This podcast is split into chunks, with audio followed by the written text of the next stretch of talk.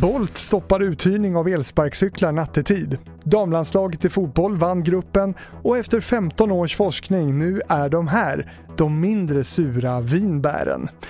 Det här är TV4-nyheterna som börjar med att en man i 25-årsåldern har häktats misstänkt för inblandning i skjutningen i Flemingsberg där två barn skadades. Beslutet fattades i Södertörns tingsrätt idag på eftermiddagen.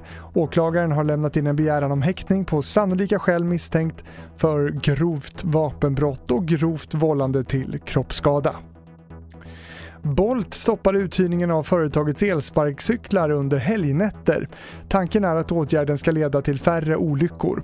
Samtidigt presenterar konkurrenten Voi att man sänker maxhastigheten på sina elsparkcyklar under torsdag till söndag natt mellan midnatt och 05. Från bland annat vården har det larmats om tillbud och personskador hos de som utnyttjar den här typen av fordon. Det svenska damlandslaget i fotboll vann gruppspelsmatchen i OS mot Nya Zeeland med 2-0 idag. Det är den tredje raka segern för det svenska landslaget. Segern mot Nya Zeeland innebär att laget ställs mot antingen Japan eller Kanada i kvartsfinal och framtiden ser ljus ut.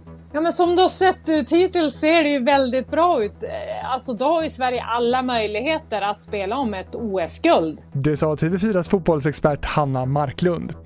Till sist om att forskare på Sveriges lantbruksuniversitet har tagit fram svarta vinbär som är hälften så sura som de som finns idag, enligt P4 Skaraborg.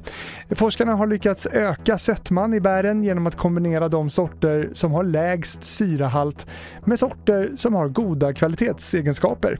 Att få ner syrahalten har tagit 15 år. Och det var det senaste från TV4 Nyheterna. Jag heter Fredrik Rahlstrand.